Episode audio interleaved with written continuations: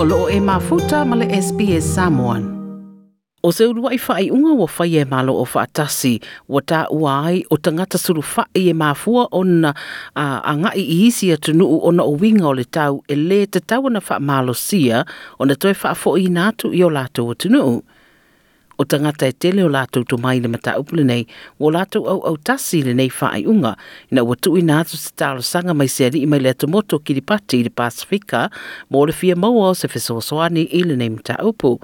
or le komiti ana vaega o ai a tatau o malo o faatasi na e o latou faia lenei faaiʻuga e faapea o faiga malo latou te toe faafoʻi e se mai tagata sulufaʻi i o latou ua tunuu ona o aafiaga o le tau e ono solia e latou lea unga e maise o tiu tau ai a tatau O le mata upo e whatatau le li o Ioane te i tiota mai Kiripati, le asa ia fina watu i le toe whaafo i ese mai o ia mai New Sila, le na mātere na sira sira iai i la tau na whaia le mata upo le whaai unga i le mata upo le nei. Fai mali komiti na iloa i sue suenga e le imatua i longa ona yei i se tūlanga la matia le soi fua o te itiota i na ua tipoti e se mai ma lea tunuu. Peitai na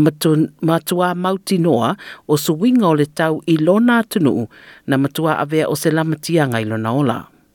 It is enough that the author and his family are already facing significant difficulty in growing crops and resorting to the life of subsistence agriculture on which they were largely dependent. Considering the author's situation and his family, balanced with all the facts and circumstances of the situation in the author's country of origin, reveals a livelihood short of the dignity that the Convention seeks to protect. i le faaiʻuga lao suʻesuʻega ua faailoa ai i le komiti ona ole lamati o le soifua o le tagata i suiga o tau e tatau lava ona manaʻia lea tulaga i le aufai filifiliga pe a faatalanoa mai iloilo luʻi tau i le toe tipoti ese mai o le tagata mai le atunuu na sulu faʻi atu i o le wa a Teiti Ota o le lato o tumotu i le itu i sautere o Tarawa o matua a tumutumu ai tangata ono re si iti o rasua sami i le tele o motu i le atunuu ma ua fai titi ai ma rasua vai mama mō le tau mafa. E tele isi a tumotu le Pasifika e au fiai ma Kiripati o lo o mata wina e iai tūlanga mā ale ale ona o suingo le tau ona e faisi maua la lalo. O Maria Sullivan au se whaia o ngā sini e rimtanga ruenga o tūla whono i le Monash University. Na ia tā ua, e ui e le o matua i wha mau whaelonga ina le nei whaeunga, ai e matua tā ua lava. So it's not directly enforceable and it's not something you would normally argue before the High Court. But over time, I think, particularly because the UN um, Human Rights Committee, but also other bodies within the UN um, are looking at it. That over time we might recognise it, but you know I think really we're not looking at um, even the next few years, but maybe in the next decade it will, it will be something that would be legally recognised. o le faalapopotoga le amnesty international no latou taʻua ole le uluaʻi ma taupu lea ua ono aliali ai ni tulanga lelei e ono fa iai na nai ni finau e faatatau ia aafiaga o suiga o le tau i tagata taʻitoʻatasi ma le aafia o a latou ua tatau